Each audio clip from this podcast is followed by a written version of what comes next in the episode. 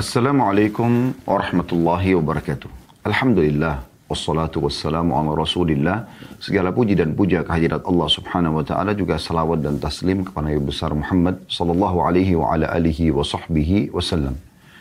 Dari Al-Makkah Al-Mukarramah, saudaraku siman, kota yang paling suci di muka bumi ini, kami menyapa Anda kembali untuk melanjutkan bedah buku kita seperti biasa di hari Kamis, sore hari waktu Indonesia Barat, Biasanya pukul 16.00, tapi kali ini kita akan mulai di 17.00 karena melihat waktu sholat duhur di Mekah uh, kurang lebih ya sekitar pukul 13.00 selesai.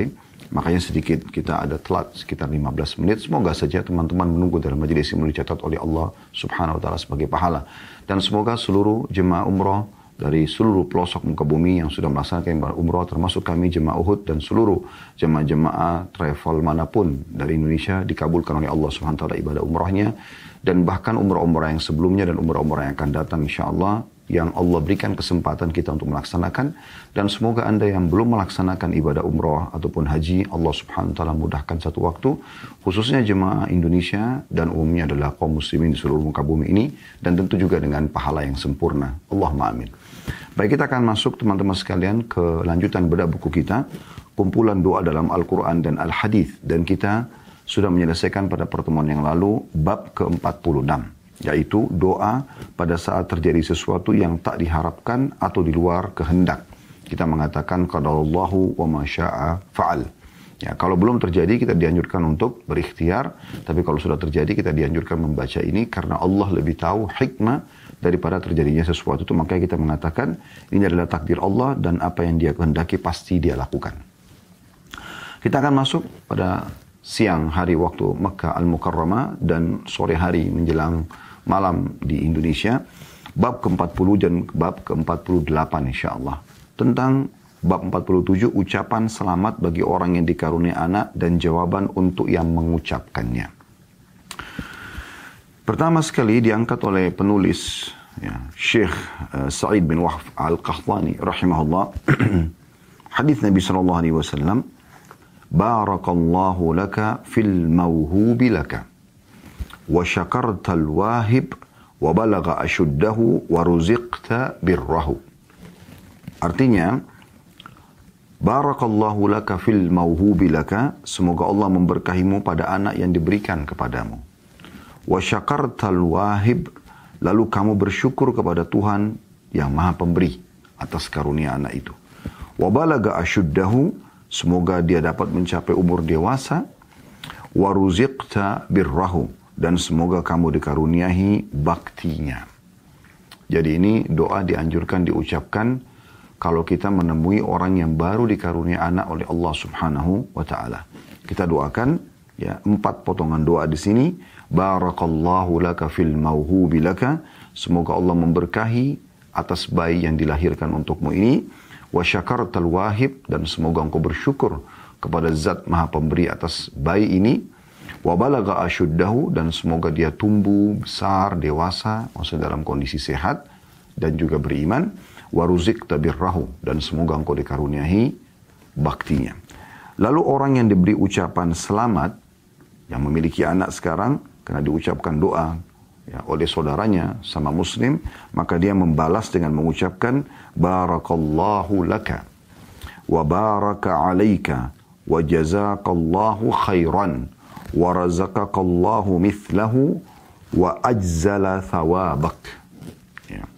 Jadi balasannya ada lima potong ya. Jadi tadi kita didoakan empat potongan, kita membalasnya dengan lima potongan. Yang pertama, barakallahu laka.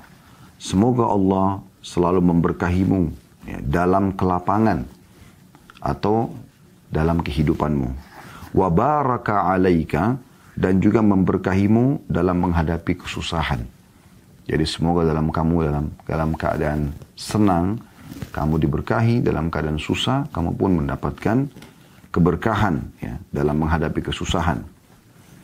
Kemudian potongan yang ketiga adalah wa jazakallahu khairan dan semoga Allah membalasmu dengan kebaikan. Yang keempat wa razaqakallahu mithlah dan semoga Allah mengaruniakanmu serupa juga.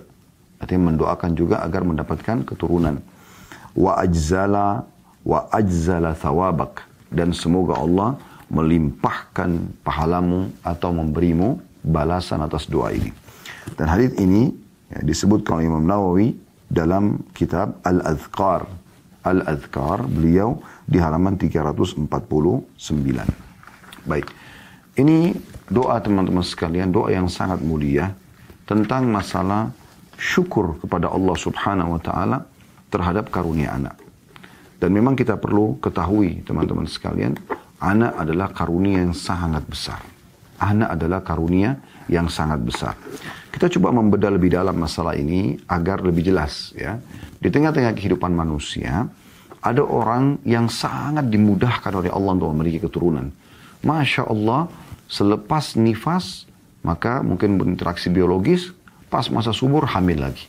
Maka Anda temukan orang seperti ini anaknya melimpah. Sampai 10, sampai 15 anak. Ya. Bahkan kami tahu, eh, mertua dari kakak kami di Surabaya, Masya Allah punya sekitar 18 anak ya, dari ibu yang satu ini. Itu belum yang keguguran. Ya. Ada juga yang dilebihkan atau memiliki keturunan lebih daripada itu. Allah SWT mudahkan dia. Kemungkinan besar, ya, memang selain Allah Subhanahu Wa Taala takdirkan itu, memang orang-orang ini tulus ingin memiliki keturunan. Oleh karena itu teman-teman sekarang kalau Anda ingin diberikan keturunan yang banyak, dari awal Anda pada saat mau menikah, memang Anda sudah niatkan ingin memiliki keturunan yang banyak.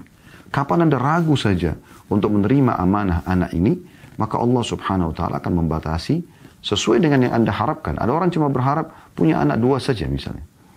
Maka Allah pun memberikan dia dua anak. Sampai kadang-kadang melepas KB pun tetap belum bisa hamil. Dan itu banyak terjadi. Itu banyak terjadi. Karena memang dari awal niat dia memang cukup dengan dua. Jadi ada golongan manusia yang pertama, Allah limpahkan keturunan yang sangat banyak. Dan ini karunia yang besar sekali. Karena setiap anak itu akan menjadi sumber pahala bagi dia. Sebagaimana kata Nabi SAW, semua yang kalian usahakan akan ada balasannya. Dan anak kalian adalah hasil usaha kalian. Adalah anak, anak adalah hasil usaha kalian. Artinya semua perbuatan-perbuatan baik sang anak ya, akan anda panen pahalanya sebagai orang tua. Walaupun anda tidak mengajarkannya.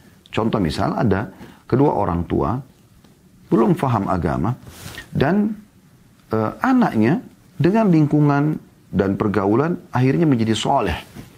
Atau menjadi soleh sering ikut pengajian minta sekolah di pesantren e, ikut tahfidz Quran akhirnya menjadi hafal ha, jadi jadi hafid Quran. Orang tuanya sebenarnya jauh dari semua itu tapi tetap orang tuanya panen pahala. Apalagi kalau orang tuanya memang menjadi penyebab dia yang biayai, dia yang motivasi, maka akan ada ekstra pahala tentunya. Ya, pahala karena ini anaknya, pahala juga karena dia menyuruh kepada kebaikan. Dan sesuai dengan sabda Nabi SAW, siapa yang menunjukkan pada kebaikan, dia akan panen pahala orang yang mengikutinya, ya, tanpa mengurangi dari pahala orang yang mengikutinya itu. Misalnya, Anda mengatakan kepada anak Anda, sholat anak misalnya. Kalau anak itu sholat, maka Anak kalau sholat mendapatkan 10 pahala misalnya, Anda yang sudah mengajarkan dan menganjurkan juga dapat 10 pahala seperti pahala anak Anda itu tanpa dikurangi dari sedikit pun dari pahala anak. Jadi bukan pahala anak yang 10 dibagi dua, enggak. Tapi nilai yang sama Allah berikan karena Anda memandu itu. Bayangkan kalau Anda punya 10 anak atau lebih, lalu kemudian Anda ya memerintahkan mereka pada kebaikan-kebaikan. Jadi sekali lagi, kalau Anda tidak perintahkan pun, maka semua kebaikan yang mereka kerjakan Anda akan panen pahalanya dan kalau Anda perintahkan, Anda akan mendapatkan ekstra pahala. Selain memang mereka adalah anak Anda, juga dari sisi lain, Anda akan ya, panen pahala kena menginstruksikan kebaikan. Ya. Golongan yang kedua dari manusia adalah orang yang memang membatasi keturunan itu. Sebagaimana tadi sudah kami berikan sedikit gambaran. Jadi memang dari awal sebelum nikah, enggak deh, saya cuma mau punya anak satu aja. Saya mau, cuma mau punya anak dua saja misalnya. Dan suami istri seperti orang yang sepakat dengan itu. Akhirnya Allah berikan sesuai dengan apa yang mereka inginkan. Dan tentu ini ada pembatasan pahala buat dirinya sendiri. ya Sebagaimana sudah kami paparkan tadi. Jadi selama Allah mudahkan ya, dan Anda ikhlas menerimanya, maka Allah SWT akan berikan kepada Anda. Bayangkan kalau semua anak yang sekian jumlahnya itu menjadi soleh dan soleh. Tidak cukup sampai di mereka, Mereka pun akan mewariskan kepada anak-anak mereka yang merupakan cucu sampai cicit kita. Dan kita akan terus panen pahala tersebut. Jadi ini amal soleh yang luar biasa. Ya, makanya Nabi SAW mengatakan dalam sebuah hadis nanti akan kita jelaskan panjang lebar juga beberapa manfaat memiliki anak, ya, apalagi yang jumlahnya banyak ya. ya itu kata Nabi SAW tujuh hal yang terus mengalir pahalanya sepeninggal seseorang. Yang pertama Nabi SAW sebutkan adalah waladun saleh, anak yang saleh, anak yang baik. Maka mereka akan terus menjadi sumber pahala bagi orang tuanya. Saya sekarang duduk di sini teman-teman sekarang menyampaikan kepada anda hadis Nabi Shallallahu Alaihi Wasallam, sebuah hadis, dua hadis, ya. Apa yang bisa diambil dari hikmah-hikmah pelajaran? Dan kedua orang tua saya di kuburan sana, rahimahumullah, panen pahalanya. Walaupun mereka tidak pernah menyuruh saya, nanti kalau kamu umroh, satu waktu, jangan lupa isi pengajian. Mereka tidak instruksikan itu. Tapi apa yang saya lakukan, mereka akan panen pahalanya. Nah kalau Anda membatasi, maka Anda akan mendapatkan sesuatu dengan jumlah yang Anda harapkan. Bahkan tidak jarang ada orang karena memang dia dasarnya niatnya tidak ingin punya anak, ya atau dia ingin batasi, maka pada saat hamil keguguran. Bahkan yang unik, dia malah gembira dengan keguguran tersebut. Subhanallah. Ya. Padahal berapa banyak orang, kita pindah ke golongan yang ketiga, yang tidak dikaruniai anak atau belum dikaruniai anak. Mereka berusaha dengan seribu satu jalan untuk bisa mendapatkan keturunan. Tapi Allah belum berikan kepada mereka. Mereka berusaha sampai segala macam ikhtiar, semua jenis obat, ya berbagai atau beberapa orang dokter didatangin, spesialis, sampai akhirnya mereka juga ikhtiar, bayi tabung pun masih belum dikaruniakan oleh Allah Subhanahu Wa Taala. Ini ujian dari Allah Taala. Walaupun memang ini terjadi kepada individu-individu saja atau sedikit sekali, ya mayoritas manusia pasti akan dikaruniai anak oleh Allah Subhanahu wa taala. Ya, karena memang dasarnya Allah Subhanahu wa taala mengatakan dalam Al-Qur'an, "A'udzu billahi minasyaitonir rajim, yadzra'ukum fi." Allah memang mengembangbiakan kalian. Dan Allah SWT mengatakan juga dalam surah An-Nisa ayat 1, يا أيها الناس اتقوا ربكم الذي خلقكم من نفس واحدة وخلق منها زوجها وبث منهما رجالا كثيرا ونساء واتقوا الله الذي تساءلون به والأرحام إن الله كان عليكم رقيبا Hai sekalian manusia, bertakwalah kepada Tuhan kalian, patulah kepada Allah, pencipta langit dan bumi ini, sebenar-benar patuh, ya yang telah menciptakan kalian dari jiwa yang satu yaitu Adam alaihissalam dan telah menciptakan dari jiwa yang satu istrinya Hawa alaihissalam dan telah banyak memberikan keturunan dari keduanya. Jadi memang Allah memang memberikan keturunan yang banyak gitu dari manusia. Jadi lebih banyak yang hamil dan punya anak daripada orang yang mandul tidak punya anak. Jadi ini hanya sebagian kecil dan ini adalah ujian. Bahkan kadang-kadang subhanallah kita temukan ya saudara-saudaranya punya anak cuma dia sendiri yang tidak punya anak. Diuji oleh Allah SWT. Bagaimana dia harus menghadapi itu dengan kesabaran dan terus berikhtiar. Bagaimana uh, sampai Allah SWT memberikan jalan keluar. Kalaupun tidak, maka dia menerima sambil mengatakan doa yang sudah kita pelajari di bab 46 kemarin. Qadarallahu wa masya'a fa'al. Allah takdirkan, Allah kerjakan apa yang dia inginkan. Allah lebih tahu kenapa belum dikaruniahi anak. Baik, ini pembukaan kita teman-teman sekalian tentang masalah anak itu sendiri. Kita akan coba ya uh, insya Allah kuatkan doa yang sudah kita baca tadi, ya yang kita pelajari dengan manfaat memiliki anak itu sendiri. Ya, manfaat memiliki anak itu sendiri. Jadi memang memiliki anak itu perintah Allah Subhanahu wa taala. Selama Anda niatkan memang Allah yang perintahkan. Ya. Karena Allah menciptakan kita untuk berkembang biak. Ya berkembang biak dan tidak akan terjadi kiamat sampai seluruh manusia yang sudah Allah takdirkan lahir dari keturunan keturunan Adam alaihissalam lahir. Ya. Sebagaimana Allah Ta'ala telah memerintahkan kita untuk berhubungan biologis. Itu bagian daripada syariat. Ya. Contoh misalnya tentang masalah orang boleh ya, berhubungan intim di malam hari Ramadan. Siang Ramadan tidak boleh. Di potongan ayat surah Al-Baqarah 187 ada potongan ayat yang berbunyi A'udzubillahi minasyaitonirrajim fal'ana ba'ashiruhunna wabtagu ma kataballahu lakum. Sekarang di malam hari Ramadan campuri mereka, gauli istri-istri kalian dan ikuti apa yang telah ditetapkan Allah untukmu. Maksudnya gauli di tempat kemaluannya, ya. Silakan, silakan menikmati itu. Ya, tidak ada masalah. Dan ini dibolehkan. Mengenai tafsiran daripada potongan ayat, ma kataballahu lakum, apa yang telah Allah tetapkan untuk kalian, para ulama menafsirkan dengan anak. Berarti dapat diartikan bahwa tujuan dari hubungan intim ter, termasuk di malam hari bulan Ramadan adalah untuk meraih keturunan. Dan yang berpendapat demikian cukup banyak dari sahabat Nabi seperti Abu Hurairah, Ibnu Abbas, Anas, Ibn Malik radhiyallahu anhu majma'in dan ada di antara tabi'in seperti Shuraih Al-Qadi, ada uh, Al-Mujahid Ikrimah, Sa'id bin Jubair, Atha Ar-Rabi, ya, Ibn Anas, ya, As-Suddi, ya, kemudian Zaid bin Aslam, Al-Hakam bin Utbah, Maqatil bin Hayyan, Al-Hasan Basri, Ad-Dahak, Katada dan lain-lainnya, mereka semua menafsirkan yang sama. Artinya makna daripada ya, gaulilah atau datangilah mereka, campurilah mereka dan ikuti apa yang telah ditetapkan Allah untukmu. Ya. Maksudnya di sini apa yang telah Allah tetapkan untukmu adalah kamu mencari keturunan. Dan Imam Ahmad rahimahullah pernah ditanya dalam sebuah riwayat tentang uh, seorang lagi menanyakan tentang sesuatu. Ada orang yang bertanya kepada Imam Ahmad mengatakan, apakah kami akan mendapatkan pahala di saat kami ya menggauli istri kami sementara kami lagi tidak ada syahwat, lagi tidak ingin ya mungkin ada waktu-waktu di mana seorang laki-laki tidak memiliki keinginan tapi karena istrinya membutuhkan itu dia bergaul dengan istrinya apakah ada pahalanya kata Imam Ahmad iya dia bisa niatkan untuk memberikan hak istrinya ya, atau dia berharap agar diberikan keturunan ya, jadi memang kalau ada orang yang bergaul biologis target dia bagaimana punya keturunan ya. dan keturunan ini nanti diniatkan agar menjadi amal saleh amal jariah buat dia sebagaimana kita jelaskan dalil-dalilnya. Dan Anda perlu ketahui bahwasanya Nabi SAW juga memotivasi kita. Nabi SAW memotivasi kita dalam hal itu. Seperti misalnya,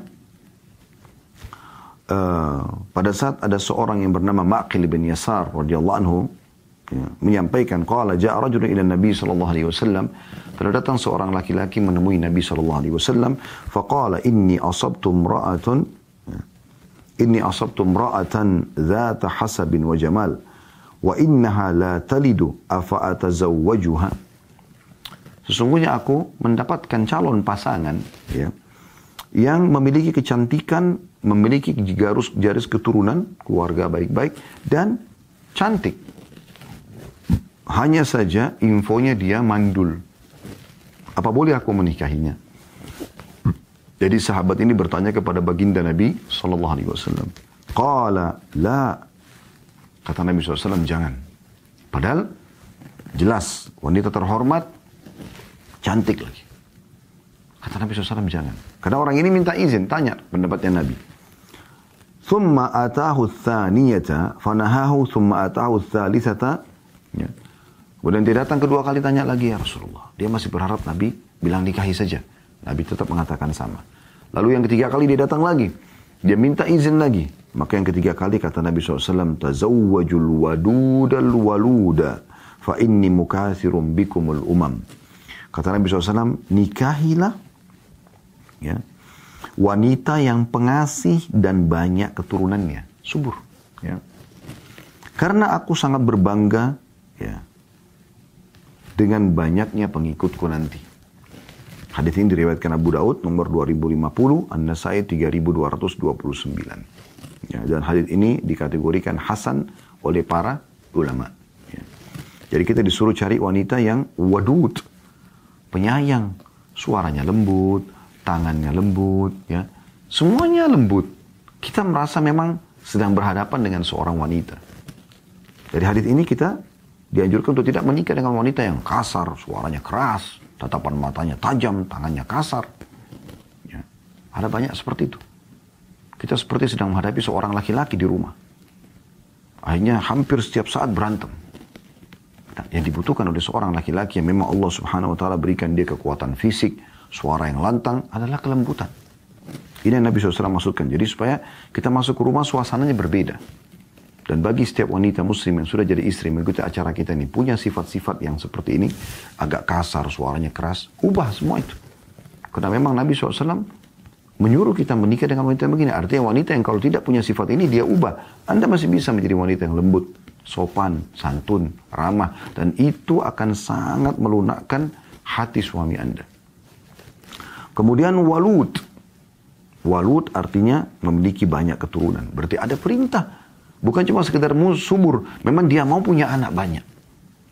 Jadi kalau ada di antara Anda laki-laki yang mengikuti acara kita ini, baik live ataupun siaran ulang, istri Anda selalu siap untuk hamil. Bahkan dia bilang, tidak apa-apa hamil lagi. Jangan Anda batasi.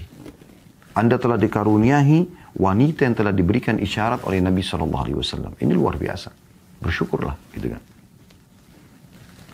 Tentu di sini Anda boleh membatasi keturunan. Kayak misalnya ada masa hamil, 9 bulan.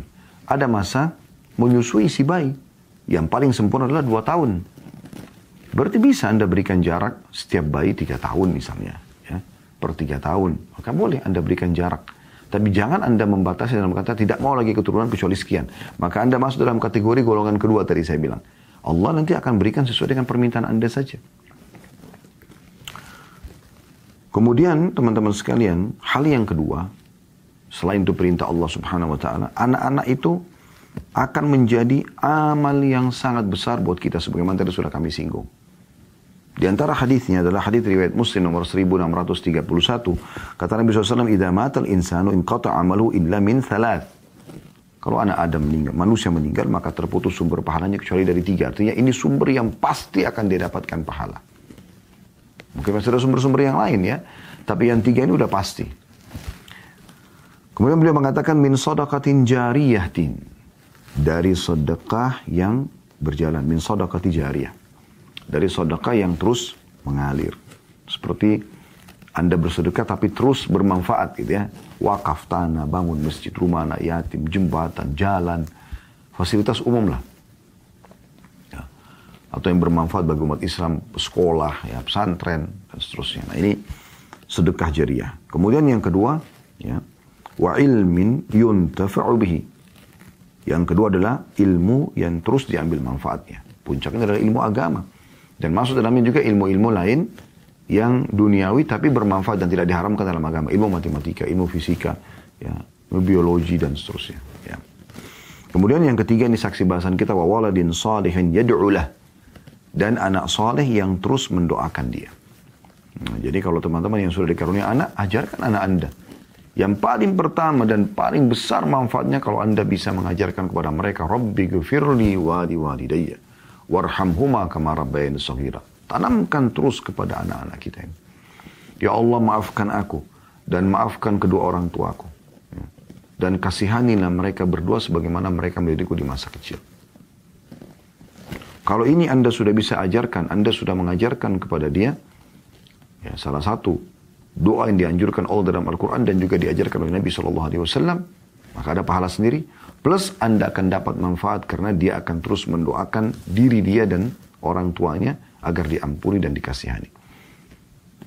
Kemudian manfaat juga buat si anak, kata para ulama hadis, di sini ada keberkahan yang akan didapatkan anak karena bahkan Allah akan mengampuni dia justru karena dia dibatkan orang tuanya. Rabbi gfirli wali walidayya. Ya Allah maafkan aku dan kedua orang tuaku. Bisa saja karena dia memohon ampun untuk orang tuanya justru Allah maafkan kesalahannya.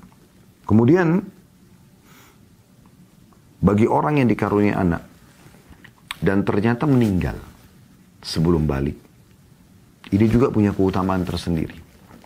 Jadi kalau ada yang mengikuti acara ini pernah sudah lewat dari empat bulan ya dari masa hamil sudah ada ruhnya kemudian keguguran empat bulan enam bulan delapan bulan pas melahirkan meninggal ya atau sudah lahir beberapa bulan beberapa tahun selama belum balik dia meninggal dia akan menjadi aset penyelamat Anda di akhirat nanti. Dalam hadis diriwayatkan oleh Anas bin Malik radhiyallahu anhu bahwa Nabi SAW bersabda, "Mamin mamin mamin ya, mamin nasi mamin nasi muslimin yamutu lahu thalathatu min al-walad." Tidak ada seorang muslim pun yang anaknya meninggal tiga orang. Lam yablugul hintha belum sampai umur balik illa adkhalahu Allahul jannata bifadli rahmatihi wa iyahum bifadli rahmatihi iyahum kecuali Allah akan masukkan ya orang tua ini kedua orang tuanya yang tiga anaknya meninggal semua ke dalam surga karena keutamaan rahmat Allah kepada anak-anak kecil itu Nah, di sini riwayat Bukhari nomor 1381. Ya. Juga dalam hadis yang lain dari hadis Utbah bin Abdin As-Sulami radhiyallahu anhu ia mengatakan aku mendengarkan Rasulullah SAW bersabda ma min muslimin yamutu lahu thalathatu minal waladi lam yablughul hintha illa talaqahu min abwabil jannati thamaniyati min ayyiha sya'a dakhal. Tidaklah seorang muslim ditinggal mati oleh tiga orang anaknya yang belum balik. Melainkan dia akan masuk dalam pintu surga yang mana saja yang dia mau. Hadis ini riwayatkan Ibnu Majah nomor 1604. Ya. Dan ini teman-teman sekalian, kalau uh, diperhatikan ya, dari hadis tadi, berarti ada yang meninggal ya, lebih dari tiga orang anak. Mungkin ada yang bertanya, ya, mengatakan misalnya, saya cuma punya dua anak yang meninggal. Itu pernah ditanyakan. Waktu Nabi SAW sampaikan hadis ini di hadapan para ibu-ibu dari sahabat Nabi Ridwanullah alaihinna. Kalau laki-laki kita bilang ridwanullahi alaihim ya, karena orang rame-rame laki-laki ini kan perempuan-perempuan. Nabi SAW bagi di hadapan para sahabat Nabi, maka kita mengatakan ridwanullahi alaihinna. Maka uh, ada seorang wanita mengatakan waktu dengar ada tiga anak meninggal, kata dia, kalau dua ya Rasulullah, kata Nabi SAW, dua juga. Maka perawi hadis mengatakan, andai saja ada yang bertanya mengatakan kalau satu, maka satu juga. Maka satu juga. Ada beberapa riwayat lain juga yang disebutkan oleh para ulama, yang pernah kami dapatkan ya eh, bahwasanya akan terdengar nanti suara gemuruh ya di hari kiamat di depan surga dan Allah lebih tahu suara apa itu dan Allah bertanya kepada para malaikat suara apa itu? Mereka mengatakan itu anak-anak muslim meninggal sebelum balik. Mereka meminta ya Allah agar uh, orang tua mereka dimasukkan ke dalam surga bersama mereka. Maka kata Allah subhanahu wa masukkanlah orang tua mereka bersama mereka. Tentu di sini ada konsekuensinya ya. Kalau orang tua tersebut dalam keadaan muslim ya dan juga tidak ada amalan-amalan yang membatalkan keislamannya. Secara umum, kalau pelanggaran-pelanggaran yang lain, maka insya Allah mudah-mudahan bisa terselamatkan dan ini karunia sendiri yang orang memiliki anak yang meninggal. Juga ada sebuah hadis yang dihasankan oleh para ulama yang luar biasa kata Nabi SAW, manusia ada yang meninggal sudah tua, ada yang meninggal juga masih kecil, ya masih bayi, masih kecil. Dan ada manusia di antaranya juga banyak. Namun ketahuilah tidak ada manusia yang meninggal sudah tua sekali atau masih kecil ya kecuali akan dibangkitkan oleh Allah Subhanahu wa taala pada hari kiamat dengan umur 33 tahun. Jadi Anda kalau punya kakek, nenek meninggal umur 100 tahun, mereka akan dibangkitkan di umur 33 tahun. Anak Anda meninggal 2 bulan, 3 bulan, 1 tahun, maksudnya eh, setelah melahirkan ya, karena kalau di bawah 4 bulan belum ada ruhnya tidak masuk dalam hadis ini. Kalau sudah ditiupkan ruh di sini baru masuk ya. E, maka yang meninggal bayi, meninggal anak-anak sebelum balik, akan dibangkitkan juga umur 33 tahun. Jadi tidak ada yang hilang. Tidak ada yang hilang. Tapi mereka tetap akan ada dalam kehidupan kita. Dan berbuat baik dengan anak-anak ya itu besar sekali keutamaannya. Besar sekali keutamaannya. Ada riwayat yang unik ya. Yang Masya Allah, Tabarakallah ini riwayat yang luar biasa kalau setiap ibu seperti ini. Ayah juga begitu ya. Mendahulukan anaknya pada permintaan-permintaan mereka, memanjakan mereka. Maka Anda akan seperti ini bahwasanya ada ya, riwayat disampaikan oleh Ummul Mukminin Aisyah radhiyallahu beliau mengatakan ja'at nimra'atun wa ma'aha ibnatani laha. Telah datang kepadaku seorang wanita yang membawa dua orang anak perempuannya bersamanya. Ya. fasa'al uh, fasa'al uh, fasa'alatni falam tajid indi syai'an ghaira tamratin wahidah fa'ataituha iyyaha. Maka Perempuan itu pun meminta sesuatu, minta bantuan. Tapi aku tidak punya kecuali satu butir kurma saja. Satu butir kurma saja. Maka aku pun memberikan kepada ibu tersebut satu butir. Artinya ibu ini dalam kondisi lapar. Tidak mungkin dia nggak lapar kalau dia tidak minta. Tidak mungkin dia lah kalau dia tidak lapar nggak mungkin dia minta gitu ya. Tapi ini dia minta. Maka diberikanlah satu butir itu. Bayangkan dalam kondisi lapar. Ya.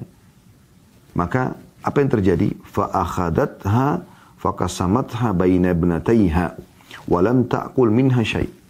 Maka dia pun mengambil kurma tersebut, dibagi dua, diberikan setengah kepada masing-masing anaknya. Dan dia pun tidak makan sedikit.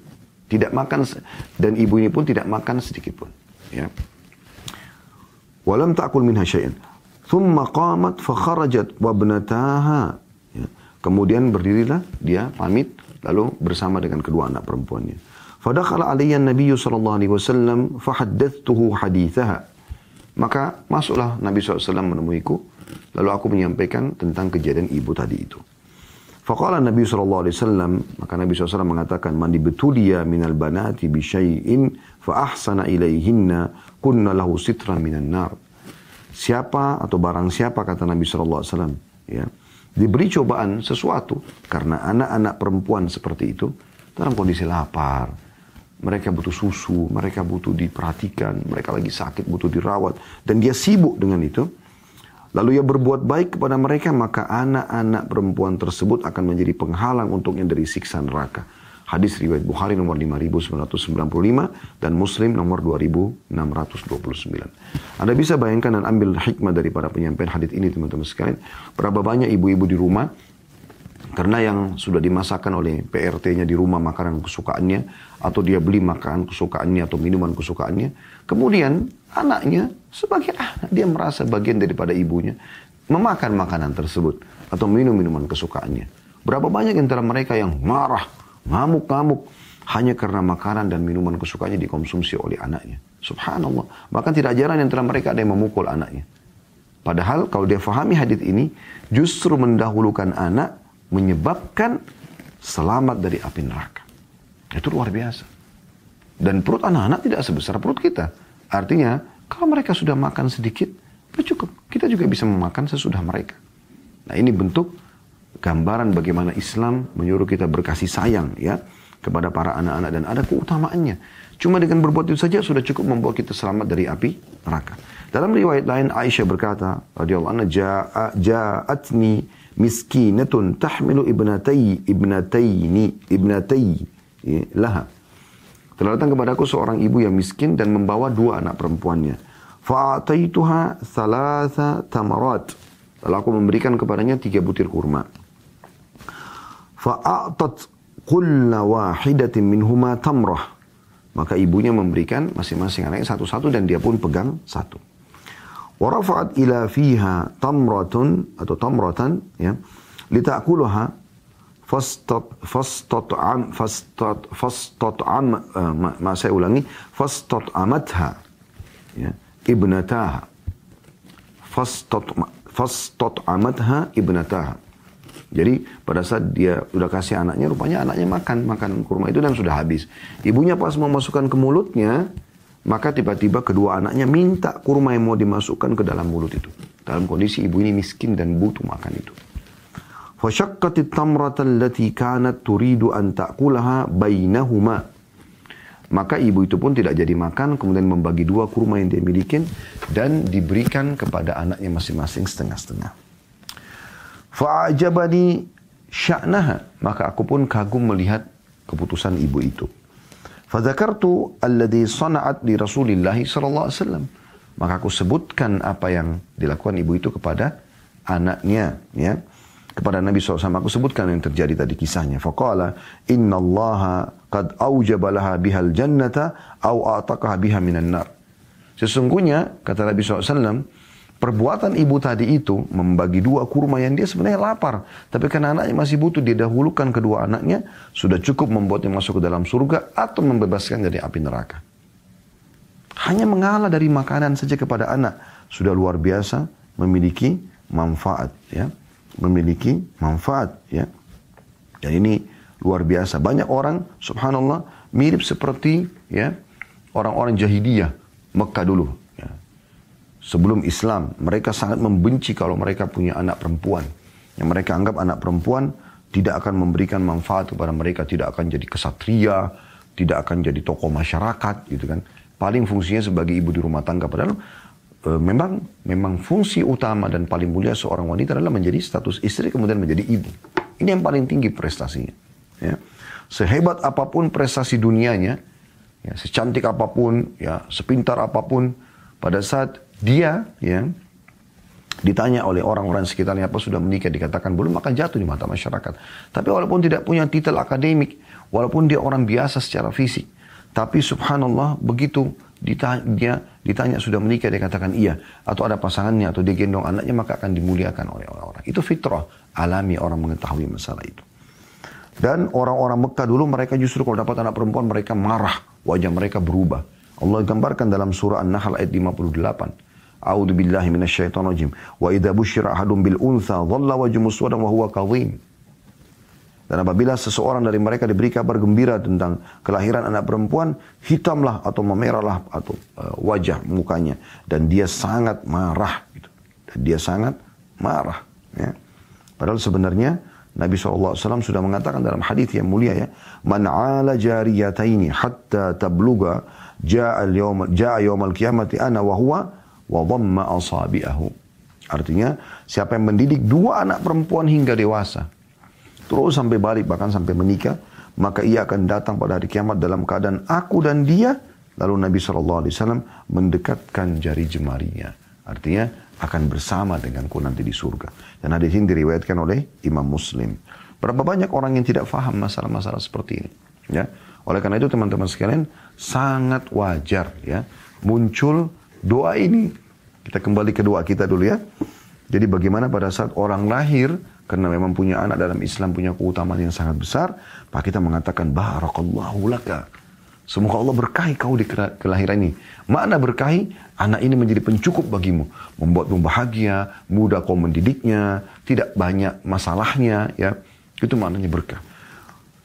Barakallahu laka fil mauhubi laka. Semoga Allah berkahi kau di bayi yang baru lahir ini. Wa syakartal wahib. Dan semoga kau selalu bersyukur dengan keberadaannya. Jadi selalu Alhamdulillah anak ini ada. Alhamdulillah anak ini diberikan kita. Mau laki-laki mau perempuan sama saja. Allah lebih tahu kenapa Anda diberikan laki-laki atau perempuan. Terima, syukuri. Bahkan kita sudah sebutkan tadi, anak perempuan pun punya keutamaan tersendiri. Kemudian, wabalaga asyuddah, didoakan semoga sampai dewasa.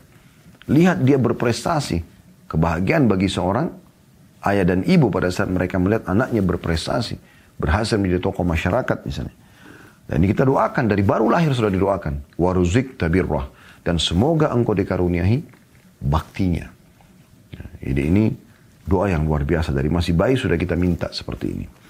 Kemudian orang yang menerima juga doa tersebut yang dikaruniai anak, maka dia harus membalas dan ini memang perintah Nabi Shallallahu Alaihi Wasallam. Kita disuruh membalas kebaikan orang dengan kebaikan yang serupa atau bahkan lebih. Memang begitu Islam ajarkan. Ja, usahakan jangan balasannya lebih sedikit, tapi minimal sama atau lebih.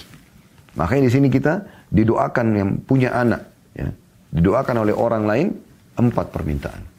Mendapatkan keberkahan, bersyukur kepada Allah, anak itu tumbuh dewasa dan dikaruniai baktinya.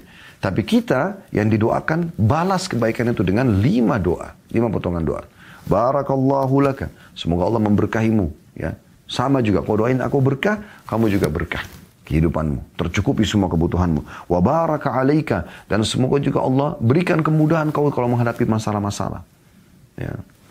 Yang ketiga, wa jazakallahu khairan. Semoga Allah balas Anda dengan kebaikan. Ini sekaligus saya titik beratkan, perlu ada khairan. Karena banyak di antara ikhwan dan akhwat kita yang sudah ikut pengajian, mereka selalu bilang jazakallah, jazakallah. Kok jazakallah? Artinya semoga Allah balas. Apa yang dibalas apa? Tambah dengan khairan. Ini penting. Khairan adalah doanya. Dan semoga Allah balas Anda dengan kebaikan. Dalam sebuah hadis yang lain, siapa yang bisa membalas saudaranya, balas setimpal dengan apa yang diberikan atau lebih. Kalau dia tidak mampu, dia mengatakan jazakallahu khairan karena itu sudah mencukupi baginya. Yang keempat, wa razaqakallahu mithlah dan semoga Allah karuniai kamu yang serupa juga. Maksudnya anak yang ya berbakti, anak yang tumbuh besar yang menyenangkan orang tuanya, anak yang penuh dengan keberkahan, tidak mudah untuk dididik, ya. Maksudnya tidak sulit untuk dididik, maaf. Mudah untuk dididik jadinya. Jadi apa pun disampaikan instruksi orang tuanya langsung dijalankan gitu kan. Wa ajzala thawabak. Dan semoga Allah balas kamu dengan pahala karena keniatmu yang baik ini. Jadi ini teman-teman sekalian, bab ke-47. Bab ke-48 masih masalah anak dan kita tutup dengan ini, yaitu doa memohon perlindungan untuk anak-anak. Dan ini penting. Ya. Jadi setelah ada dikaruniai anak-anak, maka doakan mereka agar Allah selalu melindungi mereka. Hindari semua kata-kata yang bisa membawa Anda untuk ya mendoakan keburukan. Misal anak Anda aktif, Anda mengatakan nakal sekali. Ini bisa jadi doa. Bisa jadi doa, ya. Ayah dan ibu atau ayah ibu menyesal punya anak seperti kamu. Semoga kau celaka, dihukum, apalah segala macam. Gak boleh. Anaknya gemuk, Allah SWT berikan dia kesehatan. Eh gendut, dipanggil dengan hinaan. Kenapa? Anaknya kurus, krempeng. Kenapa harus dibahasakan ini? Kenapa tidak kita sebagai orang tua justru memperbaiki keadaan kalau dia terlalu gemuk, ya kita coba bantu dia untuk turunkan dan kita jelaskan efek daripada kegemukan tersebut. Kalau dia kurus, kita bantu dia untuk supaya dia naikkan badannya dan dia jadi manusia yang, ide, manusia yang ideal. Dia amal jariah Anda depan mata. Gak usah repot-repot cari di luar. Di rumah Anda, di anak-anak Anda ada amal jariah yang luar biasa. Fokus pada mereka. Jangan hanya selalu membiarkan anak-anak dengan PRT Anda. Baby sister Anda. Anda sendiri sibuk dengan program di luar. Lalu Anda berharap mereka bisa menjadi hafid Quran. Kecuali Anda datangkan seorang hafidha Quran yang jadi baby sisternya. Ustazah jadi baby Ini tidak mungkin terjadi. Jarang sekali. Mungkin bisa dikatakan tidak ada. Umumnya orang-orang memang pendidikannya atau uh, keterampilannya arahnya ke sana hanya itu saja. Merawat, menggantikan popok, ganti baju. ya. Kalau dia orang baik, minimal diajarkan kebaikan apa yang dia tahu. Misalnya tutur kata yang santun atau dia sholat misalnya. Sebatas itu. Ya. Tapi kalau enggak, maka tentu pendidikannya akan beda. Maka Anda sebagai orang tua jangan biarkan anak-anak Anda ini 100% diurus orang luar pun boleh. Nabi SAW punya pembantu rumah tangga di rumahnya. Tapi bukan membiarkan 100% anak-anak pada mereka. Baik, di antara hal yang sangat dianjurkan adalah Rasulullah SAW beristiadah atau memohon perlindungan untuk Al-Hasan dan Al-Husain radhiyallahu anhuma. Dua cucu Nabi SAW ya, yang mulia, yang merupakan uh, pemimpin anak-anak muda di surga radhiyallahu anhuma Beliau mengucapkan ya, u'idzukuma bikalimatillahi tammati min kulli syaitani wa hamma min kulli ainin. Aku memohon perlindungan bagi kalian berdua. Karena Hasan dan Husain radhiyallahu lagi ada di depan Nabi SAW. Maka keduanya. Maka menggunakan lafaz u'idzukuma. Makanya kumanya di garis bawahi. Maksudnya ini dua orang. Kalau satu orang laki-laki u'idzuka. Ka saja nggak pakai manya. Kalau satu perempuan u'idzuki. Ditulis ini teman-teman sekalian ya. Supaya bisa paham. Kalau anak anda dua sekaligus depan mata anda mengatakan seperti doa ini. Uidukuma. Makanya kumanya di garis bawah. Kalau satu anak laki-laki saja. Manya dihapus. Uiduka. Ka ya. Pakai kas, pakai fathah. Kemudian kalau anak perempuan pakai kasrah. Uiduki. Manya juga tidak ada. Ya. Kalau anak-anak laki-laki kita banyak. Atau gabungan laki-laki sama perempuan uidzukum. Kum, mimnya pakai sukun. Kalau anak perempuan semuanya uidzukunna. Uidzukunna. Ya. Jadi kita usahakan sering membaca ini. Di saat anak-anak mau tidur, kita bacakan pada mereka. Di saat mau keluar rumah, ini tidak kalah penting ya. Karena biasanya orang banyak yang hasad, yang iri, maka kita minta kepada Allah perlindungan atau mungkin syaitan berusaha untuk mencelakakan itu bisa terjadi. Maka di sini kita membaca aku memohon perlindungan bagi kalian berdua. Nabi SAW mendoakan Hasan dan Husain. Dengan kalimat-kalimat Allah yang sempurna dari setiap syaitan dan binatang yang berbisa. Ya. Dan dari setiap pandangan mata yang dengki. Hadis ini diriwayatkan Bukhari, jilid 4, halaman 119 dari hadis Ibnu Abbas radhiyallahu anhuma. Jadi ini teman-teman sekalian, kita minta kepada Allah SWT agar dijauhkan dari tiga hal anak-anak kita. Minta diselamatkan dari syaitan, karena syaitan musuh manusia, dia akan sesatkan manusia dan mencelakakannya. Kemudian yang kedua, semua binatang berbisa. Hama. Ya. Jadi supaya anak kita dijaga, tidak disengat, tidak disakiti. Dan yang ketiga, wa min kulli ainin lama. Dan dari semua mata yang dengki. Ya, kalau syaitan sudah kita tahu semuanya pasti akan mengarah kepada pelanggaran agama.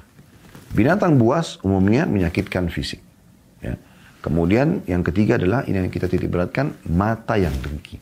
Di dalam Islam memang ada penyakit ain namanya. Penyakit ain ya.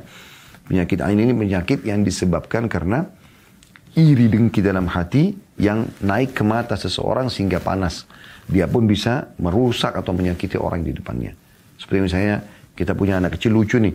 Terus dia yang lihat itu dengki. Dia mengatakan, oh bayimu lucu sekali ya gitu. Loh kok bisa kamu dikasih ini?